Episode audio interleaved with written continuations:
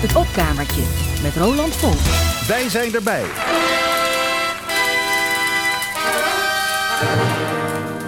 Kaas! Kaas! Kaas, kaas, kaas, kaas!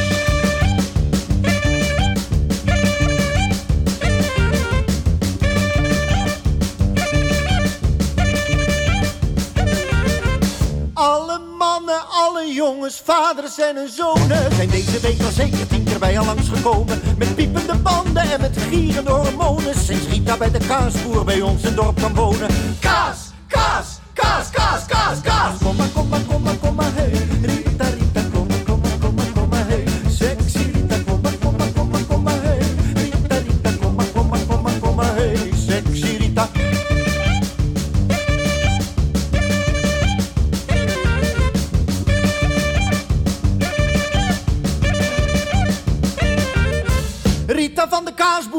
hakken, met je kuiten. De mannen staan in lange rijen voor de winkel buiten. Hun natte neuzen plat tegen de klamme winkelruiten. Als jij om zes uur besluit de kaasak te gaan sluiten. Kaas,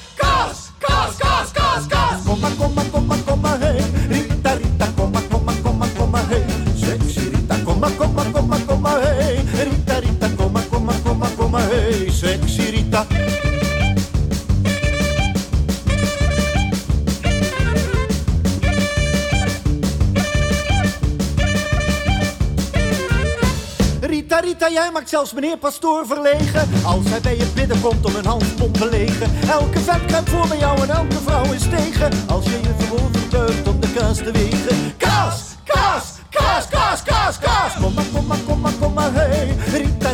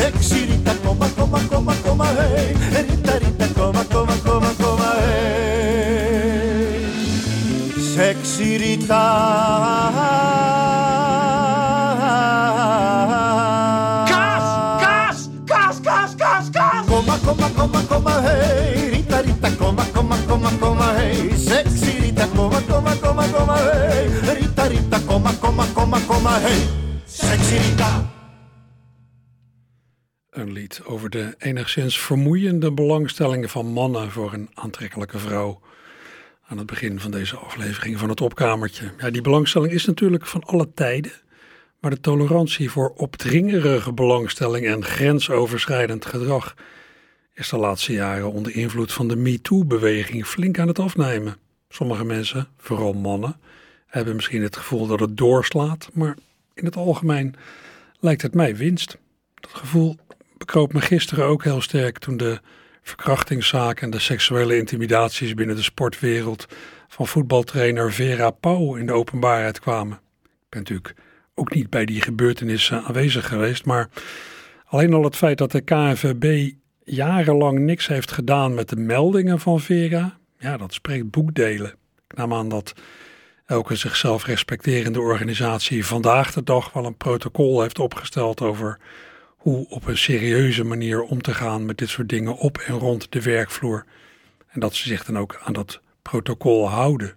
Ja, als je dat namelijk niet doet, kon je wel eens tegen een enorme reputatieschade aanlopen. En terecht. En dat zeg ik in aansluiting op het lied Kaas, gezongen door, ja, er zat even een stukje in dat misschien deed denken aan de clowneske vocale capriolen van Herman van Veen, maar dit was Joost Spijkers op zijn album Spijkers 2 uit 2018. Tekst van Peer Wittenbols, de muziek leek mij iets Balkanachtigs, wat best kan. De vrouw van Joost Spijkers komt uit Sarajevo, Bosnië-Herzegovina. En Joost leent wel eens iets uit de muziektraditie van die kontrijen. Ja, de veranderingen onder invloed van de MeToo-beweging staan deze dagen natuurlijk in de schaduw van al het gedoe rond Nederlandse boeren die zich in het nauw gedreven voelen en ja, waarvan een deel zo langzamerhand een bedreiging vormt voor de rechtsstaat. Politici thuis opzoeken, bedreigingen de wereld insturen, politieagenten aanvallen, proberen het maatschappelijk leven stil te leggen, te ontregelen. Ik ben zelf geneigd om te denken dat ja, langzamerhand de grens met terrorisme heel dun is. Ik dacht van de week ook al, het zouden dus moslims moeten zijn die zich zo misdragen. Hoe zou er dan worden gereageerd? Ook met begrip voor hun emoties? In het satirische tv-programma Even tot hier werd laatst treffend duidelijk gemaakt dat dat hele stikstofprobleem waar boeren nu acuut tegenaan lopen, feitelijk te danken is aan het laffe gedrag van de VVD en het CDA. Aan, eenvoudig gezegd, Mark Rutte en Henk Bleker. Die hadden in eerdere kabinetten Rutte al jaren geleden moeten ingrijpen. Maar de kabinetten Rutte die bleven maar zeggen... boeren, jullie hoeven niet te stoppen hoor, het komt allemaal wel goed. En zelfs toen de Raad van State in 2019 zei... nu moet er meteen ingegrepen worden... hebben ze nog jaren gewacht met actie. Ja, die boerenman die wachtte al zo lang op duidelijkheid... dat zelfs de mensen op Schiphol in de rij zeiden... Jezus, wat duurt dit lang, jongen. En nu het echt niet meer kan wachten, nu komen ze in actie. Ja, in de meest concrete plannen van Rutte 4 tot nu toe. Ja, er staat alleen niet bij hoe de doelen gehaald moeten worden. Nee, dat zou wel heel concreet zijn. Nee, hè? Hoe dan? we niet. hè? Ja. Nee, maar eerlijk is eerlijk, Rutte heeft met het CDA zelf deze crisis veroorzaakt. Dus ze gaan het nu ook zelf over de schutting flikkeren. Ja. ja, want wie mogen het oplossen? De provincies. Die arme provincies, die moeten straks de woedende boeren van hun land gaan verjagen. Die arme provincies, die, die hebben net een nieuwe deur, hè? Ja.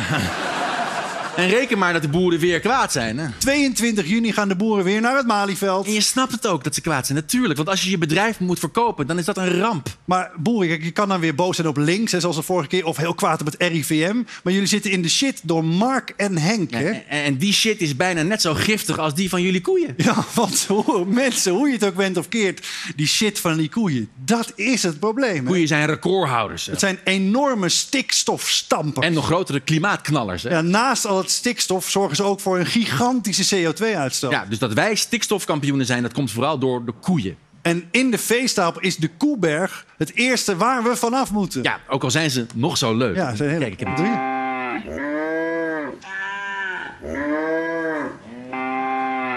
Wow. Leuk, hè? ja. Wat is dat nou, Jeroen? Ik heb een kroebord. Oh, een koelboord. Ja. Maar het is niet anders. Eh, Het is niet anders. We moeten er vanaf. Dus boeren, als jullie naar het Malieveld trekken, hebben wij hier alvast jullie strijdlied. Ja. One, a two, one, two, three, four.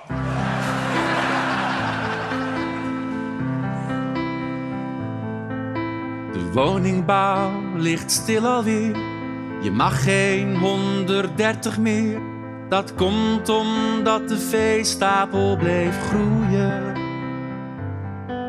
En in de stal komt pis bij kak en dan ontstaat ammoniak. We zitten in de shit van alle koeien. Alle koeien, alle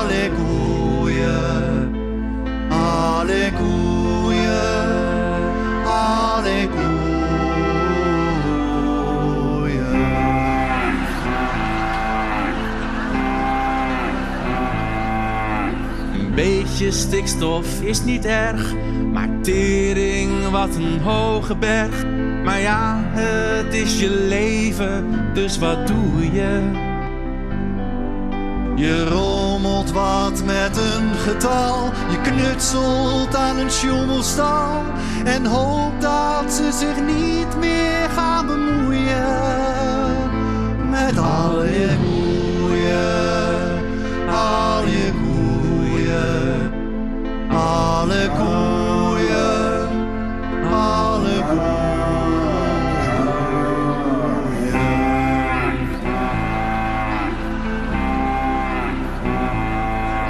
Als boer is het volkomen kut. Maar weet je, het heeft echt geen nut om heel de wetenschap te gaan verfoeien. Want het komt juist door deze twee, die zeiden steeds, het valt wel mee. En daarom zitten jullie in de knoeien. de koeien zeggen zelf. Het is niet anders, dus we zeggen doei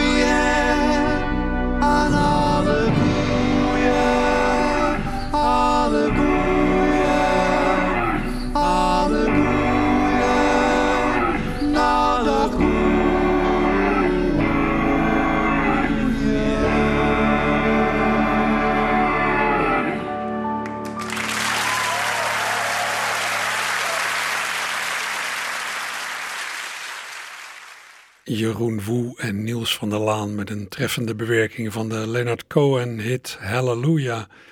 Begin juni klonk dit in hun geweldige tv-programma Even tot hier. Gisteren las ik nog dat de partijtop van het CDA diep door het stof gaat na kritiek op het stikstofbeleid. Ik dacht even, geven ze toe dat ze jarenlang te lak zijn geweest? Dat ze niks hebben gedaan al die jaren? Nee, ze vinden de huidige doelen onhaalbaar. Oké. Blijkbaar niks geleerd. Een andere maatschappelijke ontwikkeling, die voor sommigen een tikkie problematisch uitpakt, was mij eerlijk gezegd aanvankelijk geheel ontgaan. Maar begin vorige maand, rond de Pinksteren, werd ik daarover bijgepraat door Roel Maalderink en zijn broer Jos in het ook alweer geslaagde tv-programma Plakshot. Vorig jaar hebben Jos en ik nog een eh, lekkere Pinksterfilm gekeken op Netflix. Maar Netflix is een beetje op zijn retour, hè? Ze raken ook abonnees kwijt. Dat is niet zo gek, want ze krijgen steeds meer concurrentie. Nu heb je ook weer HBO Max. Dus dan denk ik voor alle mensen die nog iets missen naast Netflix en Amazon Prime en Videoland En Disney Plus. en Disney Plus En Discovery Plus. en Discovery Plus. En eh, Viaplay, Cinetree, Cinemember, NL Ziet, Porno Premium, Ja, maar Hulu, kijk- Film 1, Pathé Thuis, Streams, NPO Plus, Jos. AD Mediatheek. Jos, Ja, ja. Toen Netflix begon was alles nog vet. Eh, House of Cards, Breaking Bad, Verliefd op Ibiza, geen reclames en dat voor minder dan een tientje per maand. Maar inmiddels overweegt Netflix toch weer reclames. gaan ze dan ook eh, uitzenden op vaste tijdstippen, dus dat je niet meer kan kiezen? We zitten midden in een streamingoorlog. En wie is bij een oorlog altijd het eerste slachtoffer? De waarheid. De kijker. Jos de kijker. Mensen zoals ik, die fan zijn van Scandinavische krimis. Ik moet straks betalen voor acht verschillende streamingdiensten. Hè? Voor dat geld kan ik net zo goed zelf een serie gaan maken, Dat doe je toch ook? bij wijze van spreken. En we zijn er nog niet, want streamingdiensten gaan het ook moeilijker maken om je wachtwoord te delen. Hè? Dat gaat me aan het hart. Naar wat voor een kille wereld gaan we als we straks niet eens meer een account met elkaar mogen delen? Mooi. Dat is de Pinkstergedachte, Jos.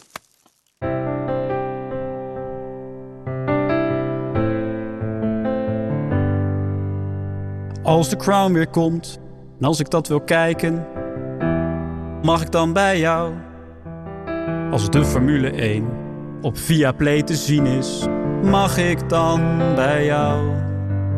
Als er een serie komt met Frank Lammers in een bijrol, mag ik dan bij jou? Als ik iets wil kijken, maar niet wil betalen, mag ik dan bij jou? Mag ik dan please jouw wachtwoord voor Prime en HBO? Als jij toch al betaald hebt, geef mij het dan cadeau. Want als ik Disney Plus mag, krijg jij Discovery. Mijn gebruikersnaam is Jos. Wachtwoord welkom 1, 2, 3. Als de melding komt dat mijn trial voorbij is, mag ik dan bij jou? Als de NPO weer komt met een detective, mag ik dan bij jou? Als op Eurosport Luik Bastenaken Luik komt, waar ik zo van hou. Ik ben heel benieuwd naar Obi-Wan Kenobi, maar ik wil geen tien. Mag ik dan please jouw wachtwoord voor Ziggo Sport Totaal? Ik ben je beste vriend toch? Doe niet zo asociaal. Als ik paté thuis mag, krijg jij Apple TV. Mijn gebruikersnaam is Jos. Wachtwoord welkom 1, 2, 3. Roel, waar de fuck ben jij mee bezig? Dat is mijn account, hè? Jos, dat is onze Het kaart. heet Jos, hè, het account. Ik ga mijn eh, wachtwoord veranderen. Roel Maalderink en zijn broer Jos op 5 juni in het tv-programma Plakshot. Goed gedaan. Mooie bewerking van het lied Mag ik dan bij jou van Claudia de Brij. Ja, die idealistische lading van het lied die werd eh, eh, vakkundig ondergeschoffeld. En ja, de chaos op Schiphol kwam al even voorbij in een bijzin bij eh, Woe en Van der Laan. Inmiddels is duidelijk dat Schiphol moet inkrimpen, maar ook als daar niet heel bewust op zou worden aangestuurd, gaan denk ik al veel mensen die luchthaven mijden, zoals de zaken er nu voor staan. Dan heb ik het niet over de verwachte chaos van morgen, als agrarische hooligans de boel willen blokkeren, maar over de ellenlange wachtrijen en stapels achtergebleven koffers door gebrek aan personeel, die er al een tijdje is. Schiphol heeft zichzelf lang geprofileerd als motor van de economie en als internationale zogeheten hub. Het wil een internationaal knooppunt zijn voor het vliegverkeer. En nu zitten we dus met een luchthaven die iets wil zijn wat het helemaal niet aan kan. Ja, en wat nu? Ja, ja, we zitten ermee. De KLM die heeft nu een ticketstop ingelast. Ja, en Schiphol zelf gaat proberen om in de zomervakantie minder vluchten in het schema te zetten met andere slots. Slot. Maar het ziet er niet naar uit dat die chaos echt te voorkomen is voor de zomer. Er wordt verwacht dat de maatregelen nooit voldoende zullen zijn. hè? Er wordt zelfs al om het leger geroepen. Ja, dus ik vrees dat wij hier nog wel heel eventjes in de rij staan. Ik denk het ook, ja. We komen al een uur niet dichterbij. Het is see and buy en vet lang in de rij. Wow, wow, ik word gek als ik mijn vlucht niet haal. Want ik heb er echt extreem veel voor betaald. Ik verlies mijn geduld na. Ik kijk op mijn klokkie. Maar wat doet die lul nou? Die sluit zijn hockey. Agressief in de rij. Strakjes vliegt hij nog zonder mij. We moeten nou naar de gate. Maar we staan achteraan nog steeds. Alsjeblieft, laat me door. Want we gaan je hokje slopen hoor. Agressief in de rij. Alsjeblieft, ga opzij. En steeds weer iemand erbij.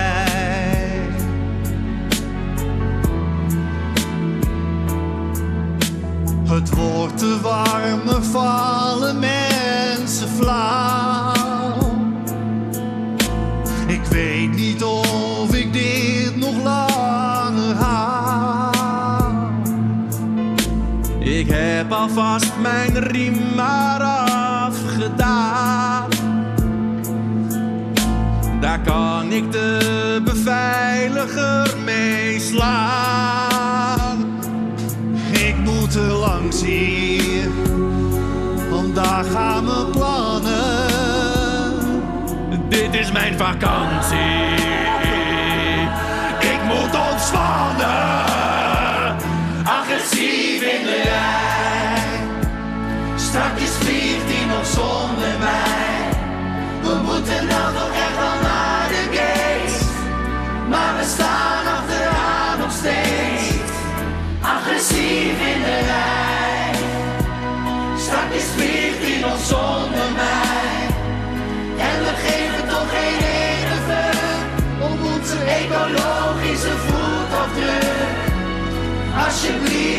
Door.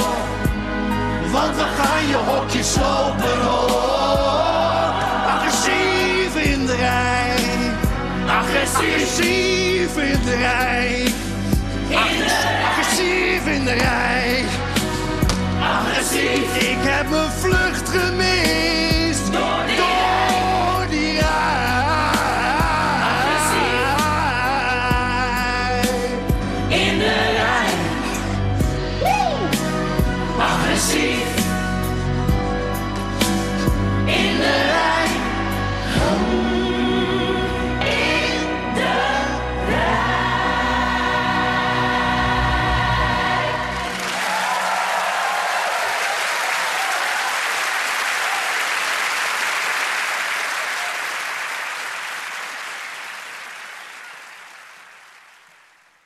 Agressief in de rij. Jeroen Woe en Niels van der Laan laatst in hun satirische tv-programma Even tot hier. Een fraaie bewerking van I Believe I Can Fly over de perikelen op en rond Schiphol. Ja, ik ben blij dat ik uh, morgen, maandag, niet hoef te vliegen. Ik merk trouwens dat ik de laatste jaren sowieso een wat grotere vliegschaamte heb gekregen. Het besef dat het beter voor het milieu is om zo weinig mogelijk te vliegen, is inmiddels wel ingedaald. Ja, en als je gaat vliegen naar een oord waar je de mensen minder goed kunt lezen, waar je verhoudingsgewijs een wandelende zak met geld bent, ik zou zeggen, let dan een beetje op. Dat zou de les kunnen zijn ook van het volgende verhaal uit de podcast van de theaterverhalen-serie Echt Gebeurd. Een serie waarin mensen uit hun hoofd verhalen vertellen die ze zelf hebben meegemaakt. Cabaretiers Paulien Cornelissen en Micha Wertheim zijn er in 2008 mee begonnen in Nederland, naar Amerikaans voorbeeld. Het verhaal dat u zo gaat horen is uit 2019.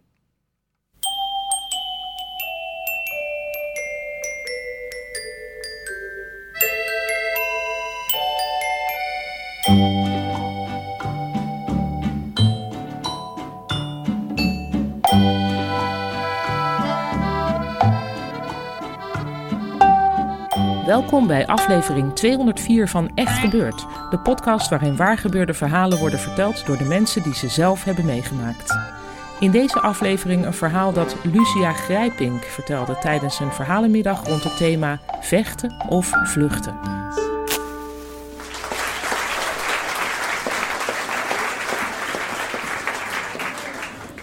Ik sta op de boulevard van Vientiane, de hoofdstad van Laos. En hoe ik daar terecht ben gekomen is, uh, ik heb uh, een tussenjaar genomen uh, tijdens mijn studie geneeskunde. Ik ben het jaar voor mijn kooschappen ben ik even, even vrijgenomen om te doen waar ik zin in heb. Dus ik ben eerst acht maanden naar Ierland vertrokken. Daar heb ik onderzoek gedaan. ik woonde in Dublin en ik heb ontzettend veel Guinness gedronken. En daarna had ik nog wat maandjes over, dus toen besloot ik om te gaan reizen door Azië. Het probleem was alleen wel dat uh, al mijn studiegenoten op dat moment ook in Azië waren. En die wilde ik natuurlijk nou juist niet tegenkomen. Dus ik dacht, ik ga het anders doen. Ik ga zorgen dat ik niet de standaard geneeskunde backpacker word. Nee, ik ga uh, een, een, iets ander plan verzinnen. Ik ga niet naar Thailand. Ik ga niet naar Vietnam. Nee, ik start in Myanmar en dan ga ik daarna door naar Laos. Dus daar was ik uh, die dag aangekomen met het vliegtuig. Um, en Vientiane is een stad die de meeste backpackers eigenlijk meteen overslaan, omdat er gewoon niks te doen is. Uh, maar ik dacht, nee, Lucia, je gaat het anders doen. Je gaat het gewoon een kans geven. Uh, en ik had gehoord dat er die avond een marktje was op de boulevard. En daar stond ik dus. Ik stond een beetje om me heen te kijken. Tot ik ineens een stem achter me hoorde die zei... Wow, you're so white.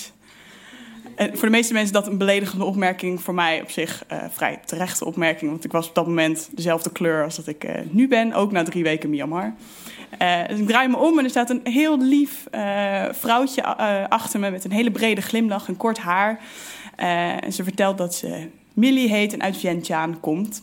En we beginnen een beetje te wandelen over die, die boulevard. Een heel leuk gesprek. En ik vond het wel heel bijzonder dat ze meteen al, uh, nou, zo dat ik meteen contact had met een local eigenlijk. Dacht, wel een goed verhaal straks voor mijn studiegenoten.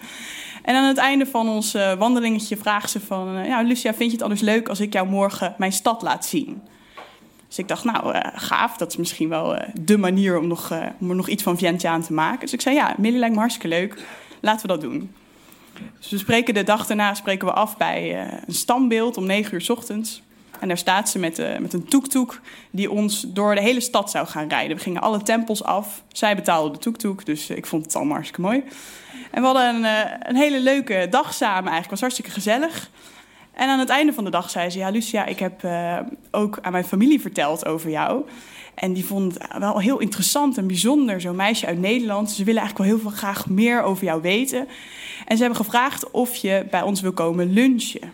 Dus ik dacht, nou, dit, verhaal wordt helemaal uh, wordt supergoed. Ik ga mijn studiegenoten helemaal omverblazen straks. Hier ga ik natuurlijk zeker op in.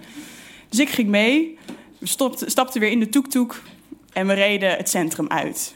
We gingen rijden, rijden, rijden, rijden. We gingen op een gegeven moment uh, een buitenwijk van Vientiane in. En we stopten bij een heel mooi huis met een grote veranda. En daar stond een, een dik mannetje op die veranda met dezelfde brede glimlach als die van Millie. En dat bleek haar broer te zijn. Die uh, nou, ontving mij inderdaad heel vrolijk en bracht ons naar de keuken. En er stond een hele grote tafel met ontzettend veel lekker eten. En nou, wat Millie zei, dat klopte wel. Die broer was ontzettend geïnteresseerd in mij. Wilde alles weten over het leven in Nederland en mijn studie. En hij was ook vooral heel erg geïnteresseerd in mijn financiële situatie. Uh, hoe, hoe, ik dat dan deed met, met studie en reizen, hoe duur dat dan was. En ik, ik vind het altijd een beetje ongemakkelijk om over geld te praten. Dus ik dacht, ik leid de aandacht een beetje ervan af. En ik vraag wat hij dan voor werk doet. Nou, dat was wel leuk dat ik dat vroeg, want uh, ja, hij werkte in het casino van Vientiane. En hij werkte niet zomaar in het casino, nee, hij werkte in de VIP-room als dealer. Dus hij begeleidde daar een spelletje. En in die VIP-room, daar kwamen eigenlijk alleen maar miljonairs. Gisteren was er bijvoorbeeld nog een goudbaron binnen geweest en die had weer miljoenen gewonnen. Maar die had erbij wel zijn lidmaatschapskaart laten liggen.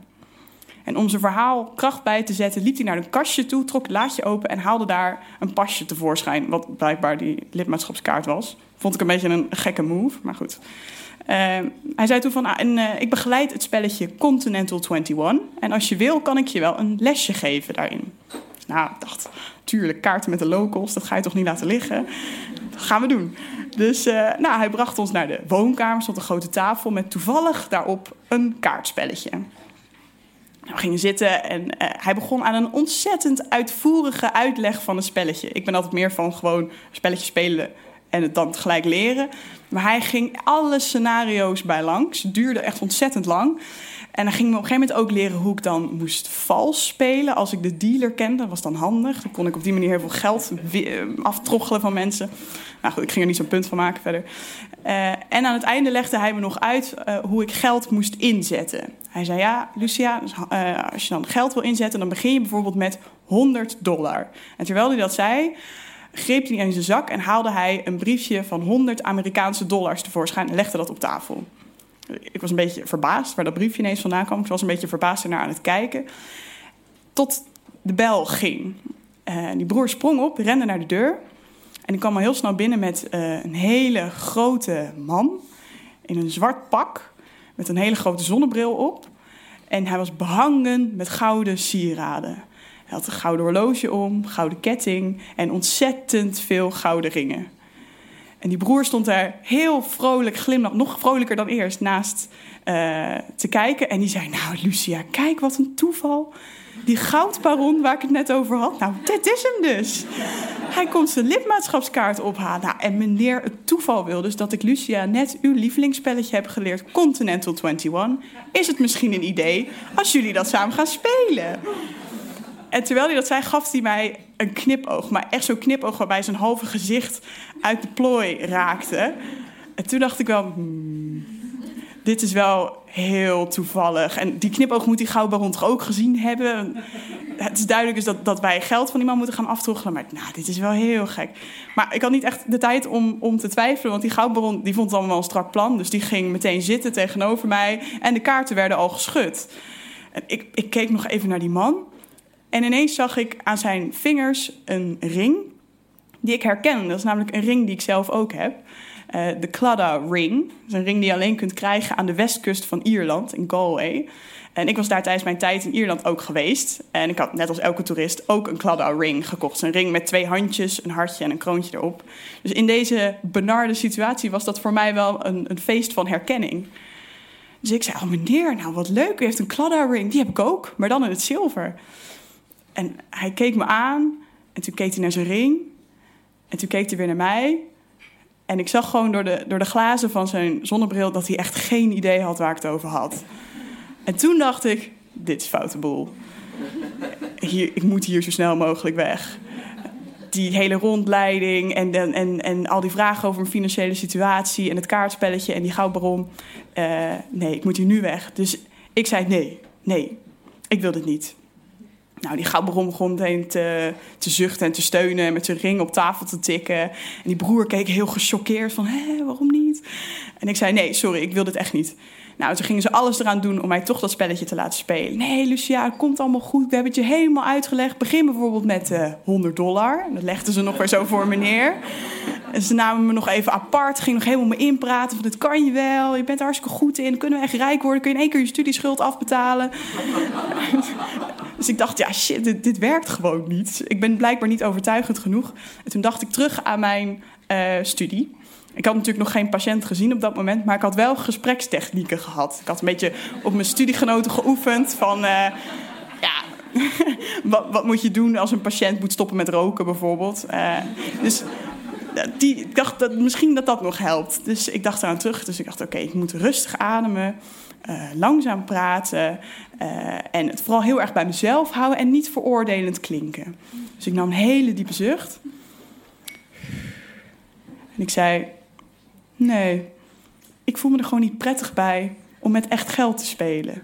En daarom ga ik nu liever terug naar mijn hostel. Toen viel er een stilte. En ineens moest iedereen weg. Ja, de, de, goudbaron die moest nog goudbaronzaken regelen. Millie die moest nog allemaal familieleden bezoeken. En de broer die zei ineens... oh ja, mijn vrouw ligt in het ziekenhuis. Daar moet ik nog op bezoek.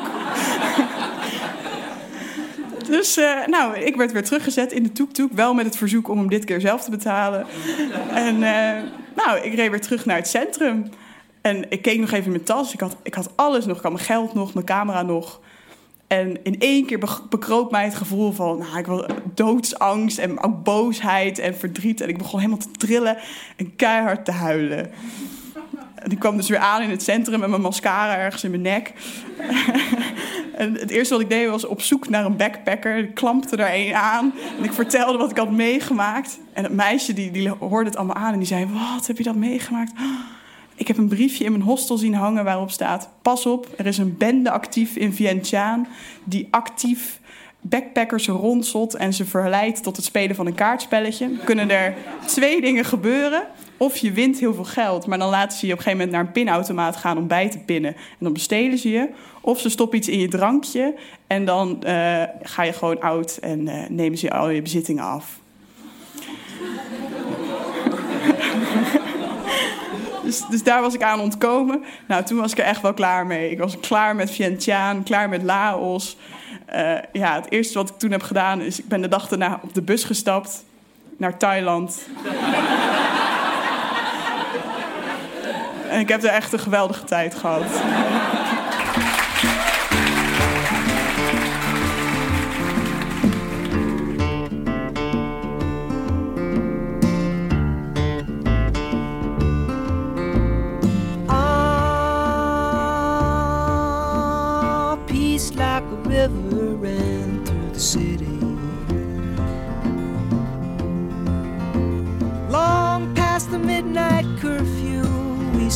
Starry eyed.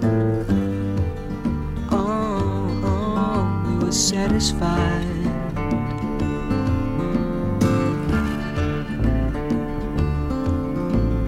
Oh, and I remember misinformation followed us like a plague. Nobody knew from time to time if the plans would changed.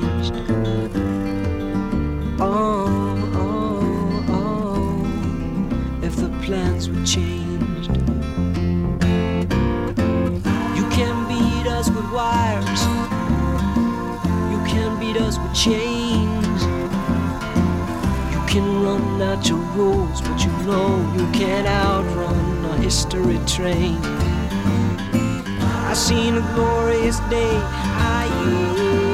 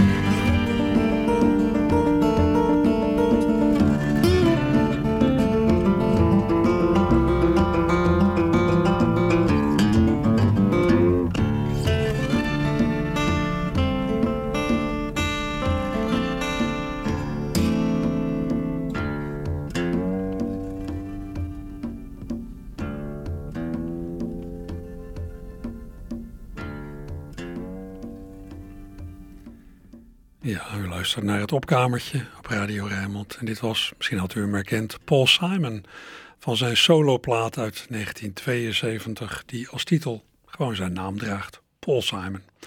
Plaat uit een enorm creatieve periode van een eh, begenadigd muzikant en componist. En daarvoor hoorde u dus een verhaal van Lucia Grijpink, zoals verteld op een verhalenmiddag van de theaterserie Echt Gebeurd. Tja, menig backpacker zal in zijn of haar naïviteit al een keer de neus stoten. Zo gaan die dingen.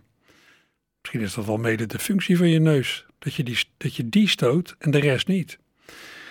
De immer bezielde Herman van Veen heeft er een keer over gezongen. U krijgt hem zo te horen na de ode die Mike Baudet alweer zes jaar geleden aan hem bracht in het tv-programma Podium Witteman.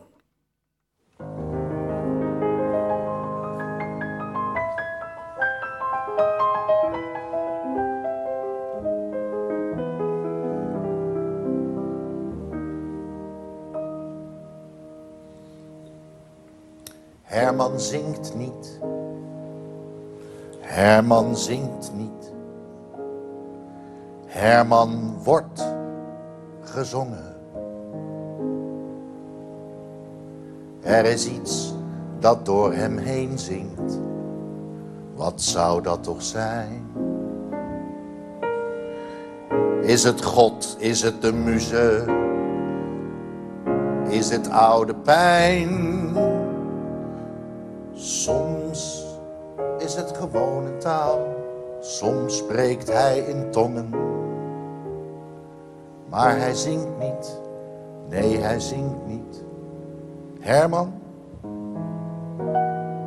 die wordt gezongen. Herman, Herman, grote man, die de zang niet laten kan. Herman gaat nog door zolang er lucht zit in zijn longen. Tot de laatste druppel uit zijn lichaam is gewrongen. Herman heeft een goede deal met het lot bedongen. Want Herman hoeft dus nooit te zingen. Herman doet de gekste dingen. Maar hij zingt niet. Herman zingt niet. Herman, die wordt gezongen.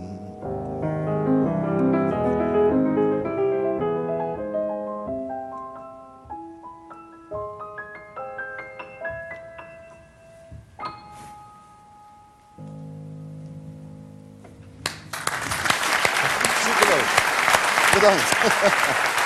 Stel ik zeer op prijs. Ja, top.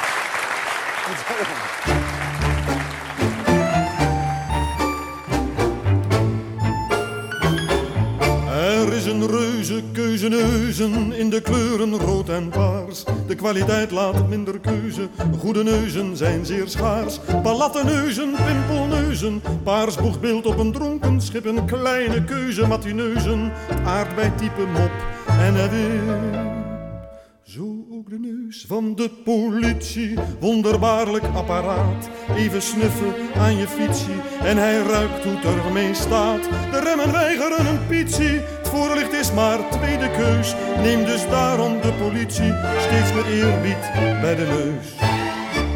De neus. O erfdeel, zo koen en schrander, edel deel van het gezicht. Spreid uw vleugels als geen ander, op vooruitgang steeds gericht. De neus. Men moet hem eens in het jaar gedenken op een winderige dag. In het najaar als men weer eens van een griepplaag spreken mag. Nee, nee, nee, nee, nee, nee. Nee, nee, nee, nee, nee, nee. Nee, nee, nee, nee, nee, nee, nee, nee, nee, nee. Nee, nee, nee, nee, nee, nee, nee, nee, nee, nee. Nee, nee, nee, nee, nee, nee, De goal, waar zou die stakker wezen als die parel hem ontbrak? Laat staan de politieke zaken waar hij steeds dat ding in stak. Denk aan Cyrano uitsluitend, zeg mij waarmee zitten wij? In een zakdoek krachtig snuitend op de allereerste rij. De neus O, spreid u zo nerveuze vleugels, snuif en snotter onverveerd. O, neus laat vieren alle teugels, gelijk een briesend beer. Nee, nee, nee, nee, nee, nee. Nee, nee, nee, nee, nee, nee. Nee, nee, nee, nee, nee, nee, nee, nee, nee, nee, nee, nee. Nee, nee,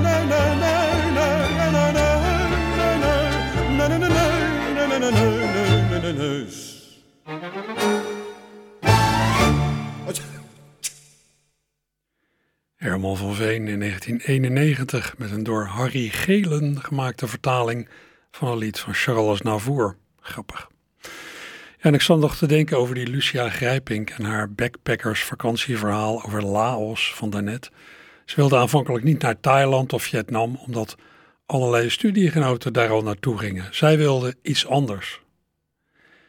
Ironisch genoeg is dat wat heel veel mensen willen, iets anders dan de anderen. Ja, daarin zijn mensen tot op zekere hoogte juist hetzelfde. Het effect daarvan zie je bij wat al een tijdje hipsters worden genoemd. Roel C. Verburg zong daar in 2015 over in zijn wekelijkse bijdrage aan Radio Veronica. Oké, Roel Zevenburg met een liedje voor de hipsters. Ja.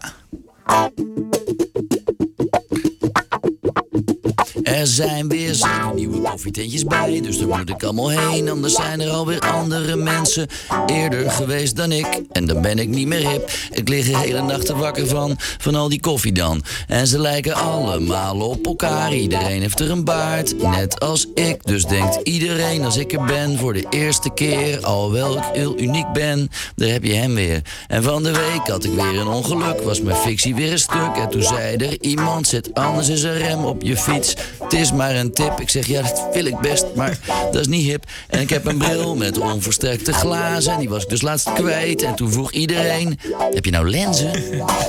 Ik schaamde me kapot. Wie draagt er nou nog lenzen? Dat is zo jaren negentig. En dat brengt mij tot het volgende refrein.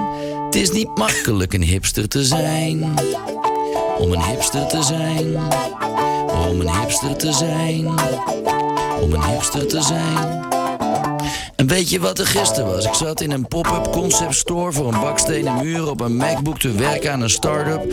En ik dronk quinoa thee, maar dan glutenvrij en toen een IPA bier. En toen moest ik door naar de barbier. En die had dezelfde trui aan. Ik kon wel door de grond gaan, want ik dacht nog toen ik die trui kocht, dat is zo lelijk als de hel. Die zal niemand durven dragen. Nou, kennelijk wel.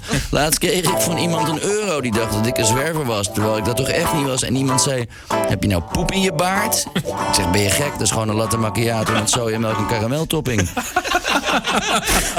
To go. Ik hou, gewoon, ik hou gewoon van originaliteit en authenticiteit. En daarom ben ik vaak de eerste ergens mee. Zo nam ik gisteren nog wat yoghurt in mijn koffie. Super goor, maar ik was wel de eerste. Het is gewoon niet tof dat het bandje dat ik gaaf bevond opeens bij DWDD op de tv komt. En best wel irritant dat mijn oma nu ook met een knot loopt. Ik denk dat ik me opknoop en soms word ik misselijk van een mainstream design. Het is niet makkelijk een hipster te zijn. Om een hipster te zijn. Om een hipster te zijn. Om een hipster te zijn. Yes! Roel Zevenburg. Ja, eh, één klein puntje van kritiek. Het is quinoa. Precies, dit is quinoa. Ja, geen quinoa, hè. Dit is Veronica. Nou ja, op Radio Rijnmond. Roel Severburg hoorde u in 2015 voor de microfoon van Radio Veronica. Treffend. Ja, zo'n onalledaagse creatieve geest, die Roel Severburg. En ik vind het sowieso fijn als voor een programma op radio of tv speciaal iets muzikaals wordt uitgevoerd of opgenomen. Zo was ik al even geleden ook blij met de remake van de tv-serie Het Schaap met de Vijf Poten. Daar zaten veel nieuwe uitvoeringen in van liedjes die hun waarde hebben bewezen. Weet het vast nog wel. In het seizoen 1969-1970 zijn acht afleveringen uitgezonden van de ja, memorabel geworden tv-serie Het Schaap met de Vijf Poten. Met geweldige liedjes van de hand van Eli Asser en Harry Bonning, gezongen door onder andere Adele Bloemendaal, Piet Reumer en Leen Jongewaard. In 2006 en 2007 is een remake van de oorspronkelijke serie op tv geweest, met sterrollen voor Loes Luca, Pierre Bokma, Mark-Marie Huibrechts, Carrie Tefse en Georgina Verbaan. Daarna hebben de makers van de remake nog vier seizoenen voortgeborduurd op die eerste serie. Met allerlei ja, nieuwe verwikkelingen en nieuwe liedjes. Nou, nieuwe liedjes. Meest geweldige vertalingen van buitenlandse hits. En hier en daar een Nederlandse evergreen. Al dan niet gezongen met zwaar aangezet Amsterdams accent. Want ja, de serie draaide om de cliëntele van een Amsterdams café. Hier is Pierre Bokma uit de tweede serie, de serie Het Vrije Schaap. Het lied dat hij zingt, ja, dat kent u.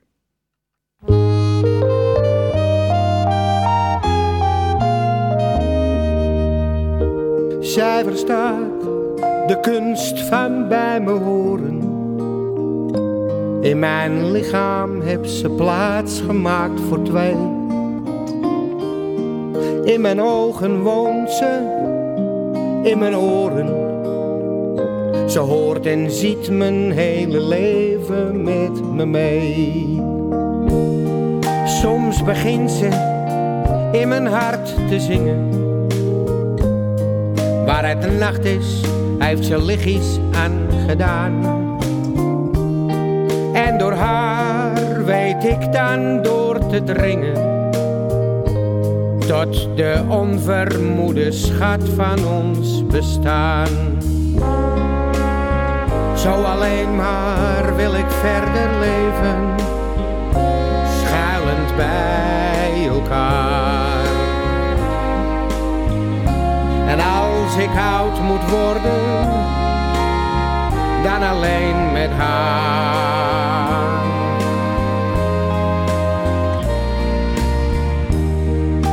Kent al mijn dromen en mijn wanen. Al mijn haast en al mijn hoon en al mijn spijt. Als ik lach, kent zij alleen de tranen. Die daarachter leggen in de tijd.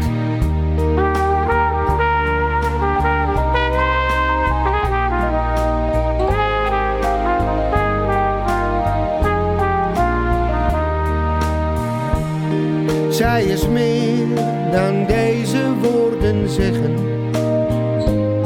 In mijn lichaam heeft ze plaats gemaakt voor twee. Maar wie weet, een wonder uit te leggen. En een wonder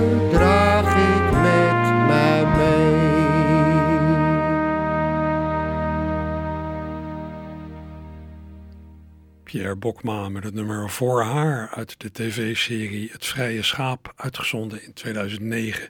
U kent dat nummer natuurlijk van Frans Halsema. Die heeft het samen met Michel van der Plas vertaald uit het Engels. Uh, ja, hoog tijd voor het nieuws eigenlijk. En dit is Frits Stors met Avro's Radio Journaal. Ja, vorige week heb ik diverse herkenningsmuziekjes laten horen uit het cassettearchief van wijlen zanger en presentator Herman Emmink.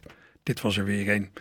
Avro's Radiojournaal. Ja, een heel klein tuentje, uitgezonden Avro's Radiojournaal tussen 1934 en 1999. Een deel van die jaren gepresenteerd door nieuwslezer Frits Tors, die in 1979 afscheid nam. Hij is in 2014 overleden, op maar liefst 104-jarige leeftijd. Weet niet hoeveel van die 104 jaar hij spierwit haar heeft gehad, maar volgens mij heel wat. Op die cassette staan ook tunes van programma's die Herman Emmink zelf heeft gepresenteerd, zoals Muzikaal Onthaal.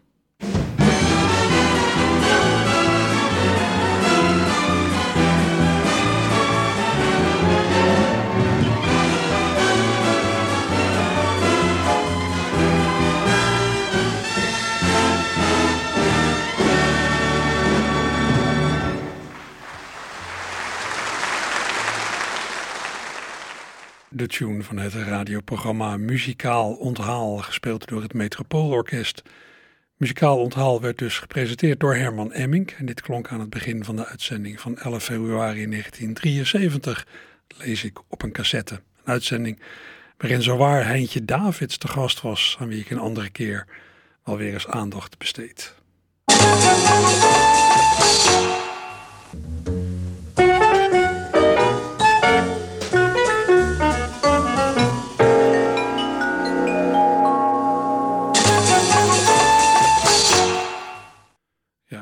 Was de tune van het Polygoonjournaal dat je vroeger in die bioscoop zag voorafgaand aan een film. Dat is al in de jaren 30 begonnen. Het heeft voortgeduurd tot 1987. Ja, toen was het bioscoopjournaal, u snapt het, ingehaald door dagelijkse tv-journaals. En ja, dit kwam geloof ik weer niet uit het archief van Herman Emmink. Inmiddels kun je op internet uh, van alles en nog wat vinden. Ja, dat Polygoonjournaal, dat kan ik mezelf ook nog wel goed herinneren. Met de geweldige stem van, inderdaad, Philip Bloemendaal. Uh, wie weet uh, volgende week verder met muziek van radio en tv. Er is genoeg en anders maakt wel iemand iets op de actualiteit. zorg goed voor jezelf, maak iets van de zondag en straks na het nieuws en reclame nog meer fijne muziek.